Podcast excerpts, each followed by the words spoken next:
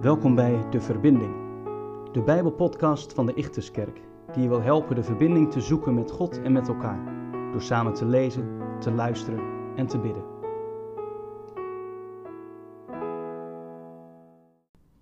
Vandaag lezen wij Johannes 20, vers 24 en 25. Een van de twaalf, Thomas, dat betekent tweeling, was er niet bij toen Jezus kwam.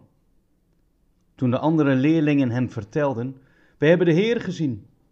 Toen zei hij: Alleen als ik de wonden van de spijkers in zijn handen zie en met mijn vingers kan voelen, en als ik mijn hand in zijn zij kan leggen, pas dan zal ik het geloven. Sommige dingen klinken soms te mooi om waar te zijn. Als je het bericht hoort, kun je het gewoon niet geloven. Het gaat er niet in. Het kan gewoon niet. Dat is ook de reactie van Thomas. Zijn tien vrienden hebben hem verteld over de Heer Jezus, die hen zo wonderlijk had ontmoet. Jezus leeft, Thomas. Hij is opgestaan.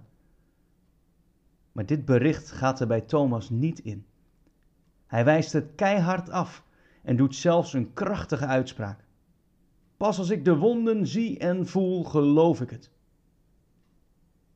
Het is bijzonder dat de leerlingen van de Heer Jezus ons worden beschreven in al hun falen, in al hun twijfel en ongeloof. Die leerlingen zijn mensen, net als jij en ik. Laat je bemoedigen door dit gedeelte vandaag. Dat er bij de Heer Jezus ook ruimte is voor een twijfelaar als ik. Dat de Heer Jezus niet op zoek is naar het perfecte plaatje, maar naar ons mensen, met al ons falen, met al ons twijfel en ongeloof. Als we ons bezorgd voelen, onzeker en angstig, en als we weer vragen, Heere, hoe moet dit nou? Dan loopt Hij niet teleurgesteld van ons weg, maar zoekt Hij ons op, ook vandaag weer. Heere, in mijn twijfels, in mijn verdriet, in mijn falen ontbreekt U niet.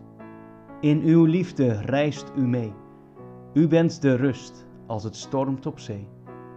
God van licht, wees mijn gids. Leid mij door het donker en help me om te vertrouwen op U. Amen.